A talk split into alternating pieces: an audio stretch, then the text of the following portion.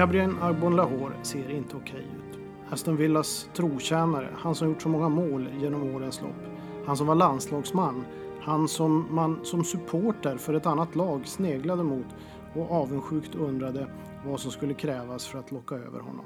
Åtminstone vi som var supportrar till mittenlag som hade åtminstone vissa ambitioner.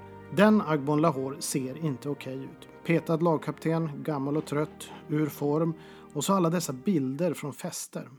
Julian Lescott verkar också ha tappat omdömet med märkliga Twitterinlägg på lyxbilar efter en förnedrande förlust där han skyller på att den gick iväg av misstag. Twittret alltså.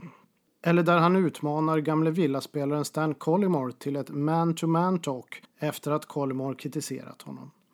Det är inte okej. Okay. Aston Villa är inte okej okay. och allt har sitt ursprung i ägaren Randy Lerner vars ointresse dragit ned en av de mest klassiska klubbarna i, ja, i skiten. För nu är det klara för The Championship, en av de sju som aldrig blivit nedflyttade sedan Premier League-starten. Nu är det bara sex kvar. En av klubbarna som var med och bildade ligan 1888. En klubb med 104 säsonger i högsta divisionen, vilken är näst mest av alla de engelska lagen någonsin. Aston Villa Football Club, en gång den största och mäktigaste klubben av alla, är klar för nedflyttning. Idag kan ni se podden som en minnesstund för ett av de mest klassiska lagen någonsin skådats i engelsk fotboll, Aston Villa. En gigantisk klubb från Englands näst största stad med ett prisskåp bågnande av pokaler. Åtminstone från förr. För problemet är att det var så länge sedan pokalskåpet fylldes på och ägaren Randy Lerner har under flertalet säsonger låtit allt förfalla ytterligare. Gabriel Agbon Lahore blir symbolen för förfallet, tyvärr. Och varför ska det vara så svårt för en sådan storstad som Birmingham att överglänsa Manchester och Liverpool? För om Aston Villa visserligen var en gigant från förr så har de ändå varit bra i början av 1900-talet och slutet på 1800-talet. Men Birmingham City kan ju faktiskt göra anspråk på en unik loserstämpel genom alla tider jämfört med alla de stora engelska lagen. Och om man sträcker sig lite längre ut så var det också rätt länge sedan Wolverhampton Wanderers och West Bromwich Albion kammade hem några titlar. Jag har under året skrivit och pratat en hel del om Villa, men eftersom det nu är helt klart att klubben lämnar gemenskapen i Premier League så är det dags att ta farväl genom en liten minnesstund på de cirka 20 minuter ett Old School Football Podcast pågår. Kan man dö en smula? Eller är det över när det är över? Är sista spiken nu slagen definitivt i Aston Villas kista? I fotbollens värld finns det två svar på den frågan. Det första är just döden. Visst, det finns så många exempel där nedflyttning inneburit en oändlig vandring i skuggornas rike. Vem trodde att Leeds United, Nottingham Forest med flera skulle försvinna från den stora scenen? Men det finns också otaliga exempel som inneburit en nytändning och avancemang. Det finns nog fler sådana exempel faktiskt när jag tänker efter. Lag med en hyfsat ny manager som efter avancemang från andra divisionen ganska snabbt var uppe bland de främsta och till och med nådde toppen. Än om man jämför med lag som legat och väntat på sitt genombrott i åratal någonstans där i högsta seriens mittenregioner. Vinst och avancemang skapar vinnarkultur, vilket är nog så, nog så viktigt. Lag som Derby tog en ligatitel 1972 och de kom upp från tvåan eh, först 1969. Nottingham tog ligatiteln 1978 som nykomlingar i högsta divisionen. Manchester City vann ligan 1968 efter avancemang från tvåan 1965. Liverpool eh, tog ligaguld 1964 efter att Bill Shankly tagit laget från division 2 så sent som 1962. Ipswich tog eh, också ligatiteln 1962 direkt från tvåan. Blackburn vann 1995 och man tog sig upp så sent som 1992. Leeds vann 1992 efter att ha avancerat från tvåan 1990 och man kan faktiskt även räkna in Aston Villa som vann ligan 1981 efter att ha avancerat från tvåan 1974. Kanske lite av ett gränsfall och jag har pratat om det här i tidigare poddar men det var ändå en dynamik som skapades i och med att managern eh, Ron Saunders tog över laget och förde upp dem eh, från division 2 1974 och sen så blev det också ligacuptitlar. Och det var på den framgångsvågen som man till slut tog eh, ligaguldet 1981. Prince William, premiärminister David Cameron och Ozzy Osbourne har alla en sak gemensamt. De följer Aston Villa och idag sörjer de. Jag heter Per Malmqvist Stolt och ni lyssnar på Old School Football Podcast. Men först veckans match.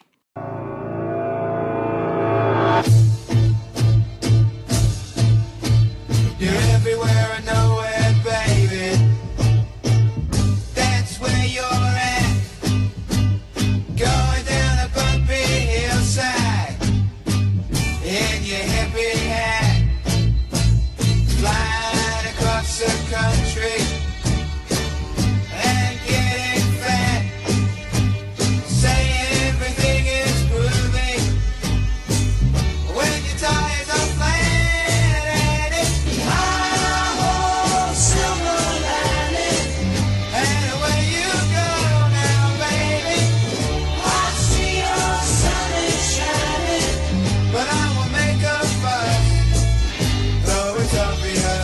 finns bara en match.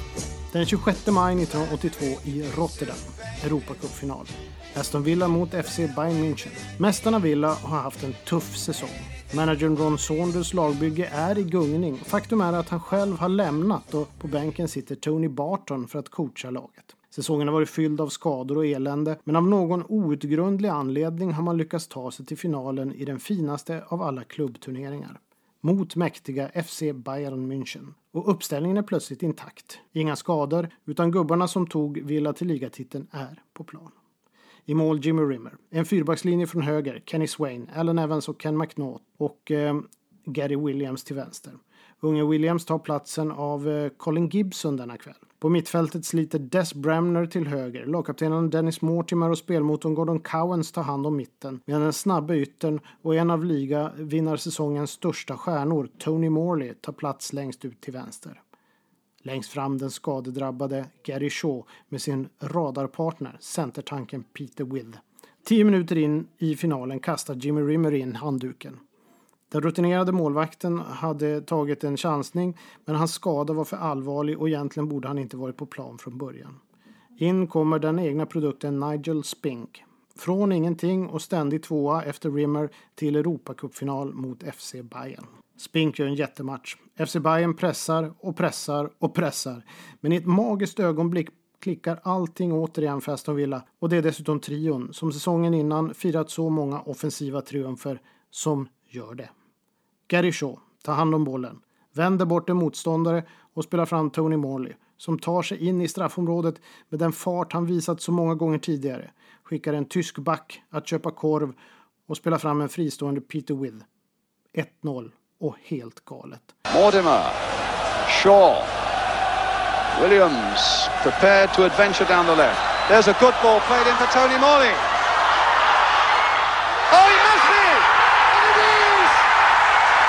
Villa håller ut och efter slutsignalen har Dennis Mortimer en nästan omöjlig uppgift att samla ihop sitt lag bland instormande fans. Men han gör det och får 1982 lyfta den buckla som Zlatan Ibrahimovic aldrig fått lyfta. Dennis Mortimer, en av de bästa spelarna som aldrig fick göra en enda landskamp för England, lyfter den finaste bucklan av alla. Fotbollen blir inte vackrare än så.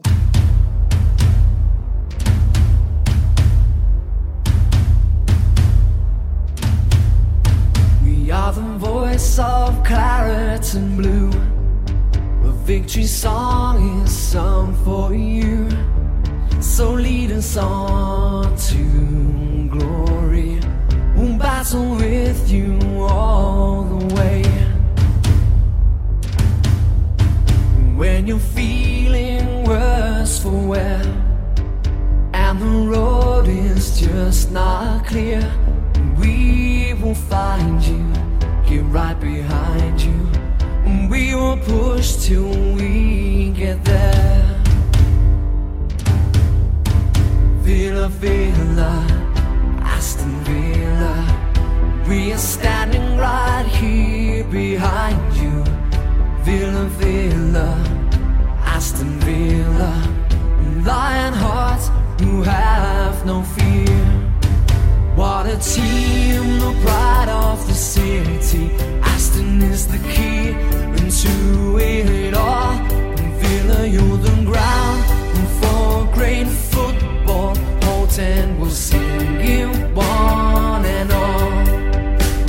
Football Club bytte en gång färg på matchstället i syfte att efterlikna det framgångsrika och mäktiga Aston Villa. Det fanns inget större i slutet av 1800-talet och början av 1900-talet än Aston Villa som var med och startade ligan 1888 och är en av de klassiska klubbarna genom historien. Sju ligatitlar är det få lag som kan ståta med, särskilt när sex av dem togs fram till och med säsongen 1909-1910. Lägg därtill till sju fa Cup-titlar, varav sex av dem togs fram till 1919-1920, så inser man vilken storhet Birmingham-laget var under tiden från ligans bildande 1888 till 1920-talet. Deras skotske manager George Ramsey är med sex mästerskap den näst, med näst mest ligatitlar genom tiderna tillsammans med Liverpools Bob Paisley som under 70 och 80-talen, eh, 1970 och 80-talen tog lika många titlar. Endast den oslagbare Sir Alex Ferguson hamnar före med osannolika 13 titlar. Efterkrigstiden har dock inte varit lika framgångsrik. På 50-talet bärgades ytterligare en fa cup vilket innebar att om Villa hade lyckats rubba Arsenal i finalen 2015, för ett år sedan, hade en 58-årig väntan varit över. Nu är den inte det.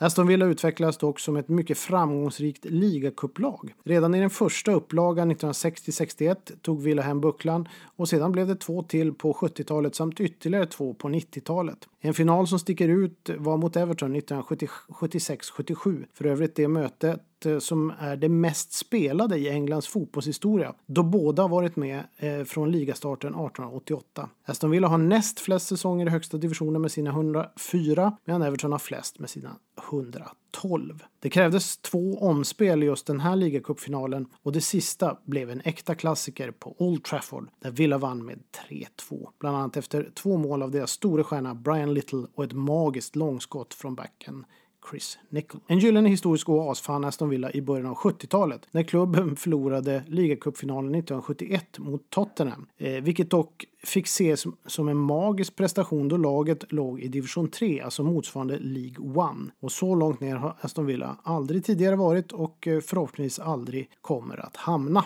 Klubben var då nere i en djup mörk källare där det var långt upp till forna tiders ljus och ära. Men 1974 anlände managern Ron Saunders och började så sakteliga bygga ett lag. Först in 1975 var en mittfältare vid namn Dennis Mortimer som skulle lyfta den finaste av pokaler och bli en nyckelspelare som lagkapten. Han fann även en ruskigt begåvad mittfältare vid namn Gordon Cowens i de egna ungdomsleden. Därefter byggde han vidare, undan för undan, målvakten Jimmy Rimmer, backarna Allen Evans, Ken McNaught och Kenny Swain. Mittfältare som Des Bremner och Tony Morley samt forwarden Gary Shaw som också han togs från de egna leden och ersatte storstjärnan Brian Little.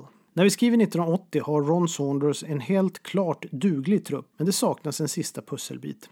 David Geddes, eller Gero som han kallades av fansen, bland vilka han var mycket populär, höll inte riktigt måttet att leda linjen längst fram i laget. Saunders hostade därför upp med rekordsumman 500 000 pund för centern Peter With från Newcastle United. With som för övrigt vunnit ligan 1977-78 med Nottingham Forest. Det var nog ändå ingen som räknade med Aston Villa 1980-81, men tack vare få skador, vilket ledde till att Saunders endast behövde använda sig av 14 spelare, gick det allt bättre ju längre säsongen eh, led. I match efter match. Jimmy Rimmer var den rutinerade målvakt som krävdes. Evans och McNaught bildade ett svårforcerat mittlås. Kenny Swain visade styrka offensivt och defensivt som högerback medan Colin Gibson gjorde vänsterbacksplatsen till sin även om Gary Williams inte var en oäven ersättare. Gordon Covens eh, växte till en elegant mittfältsmotor som också skulle göra tio landskamper för England samt pröva lyckan i Italien. Des Bremner stod för kraft och energi på högermittfältet medan Dennis Mortimer var mittfältets allt-i-allo och ledare.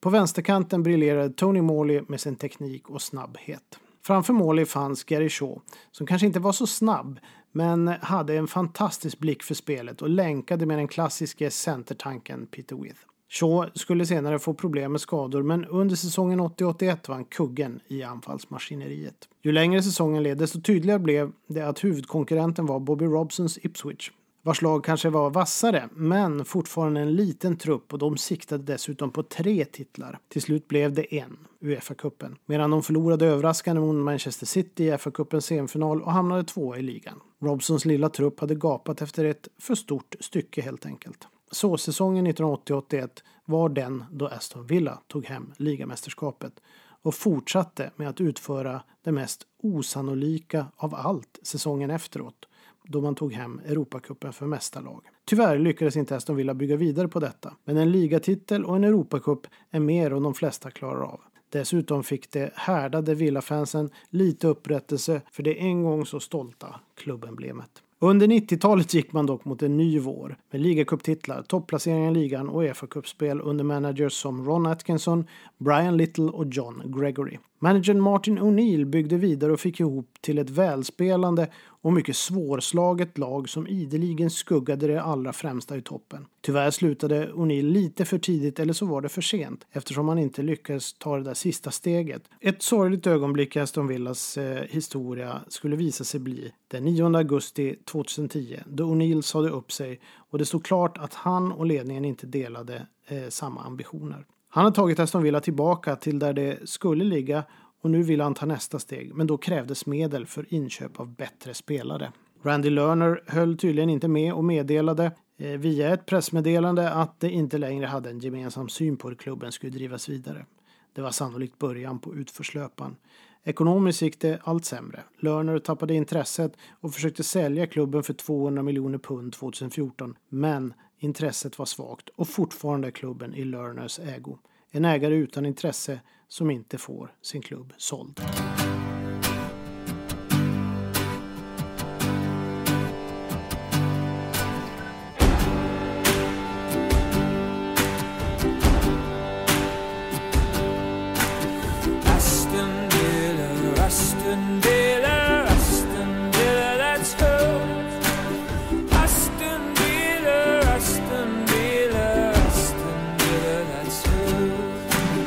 Med tanke på den europeiska storstad Birmingham är så är det svårt att undvika vilket förvånansvärt misslyckande deras fotbollsverksamhet varit. Mindre städer som Manchester och Liverpool har dominerat i England och Europa decennium efter decennium medan Aston Villas magi avtog i takt med att 1900-talet pågick och därefter har de bara glimtat till.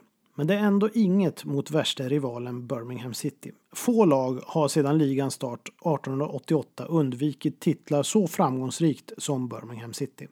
En fascinerande klubb från en storstad som vägrar att växa upp och uppfylla den potential som borde finnas där. Rötterna sträcker sig långt tillbaka. 1875 bildades Small Heath Alliance som 1888 blev Small Heath och som i sin tur 1905 blev Birmingham för att 1943 anamma namnet Birmingham City. Klassiska St. Andrews har laget haft som hemmaplan sedan 1906 och det var dessutom med och bildade ligan i andra divisionen.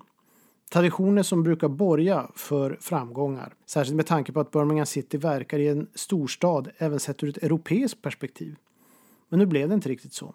Birmingham City har som bäst slutat på en sjätte plats i högsta ligan 1955-56 och har egentligen bara två pokaler värda att nämnas, det vill säga ligacupen 1963 samt 2011. Egentligen ett extremt uselt facit.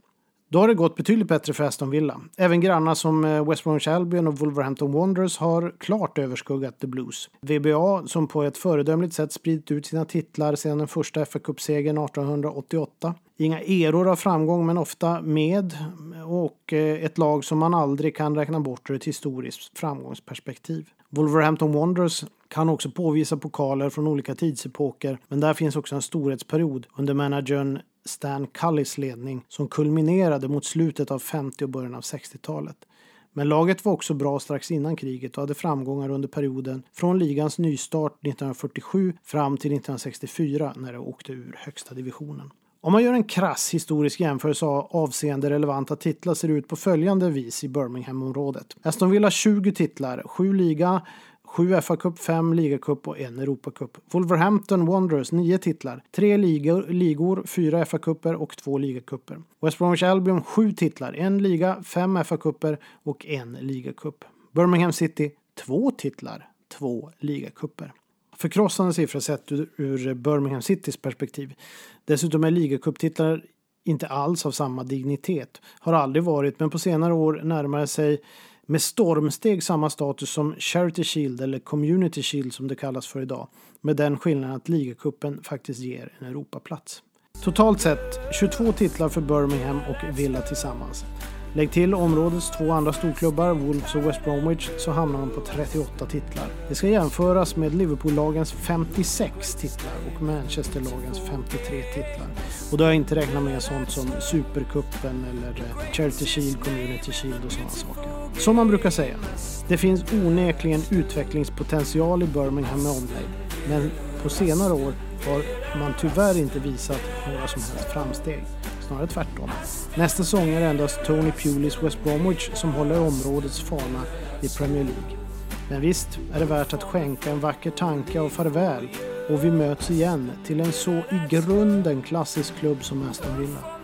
I helgen åker det till Watford i vad som redan på förhand får ses som en avslagen match mellan två lag som inte har något att spela för längre, utom möjligtvis ära och heder. Old School Football Podcast i väntan på lördag och Aston Villas återkomst. Vi möts igen. Skål på er! Aston Villa, Aston Villa, Aston Villa, let's. Aston Villa, Aston Villa. learn at school. My father said there's a team for you.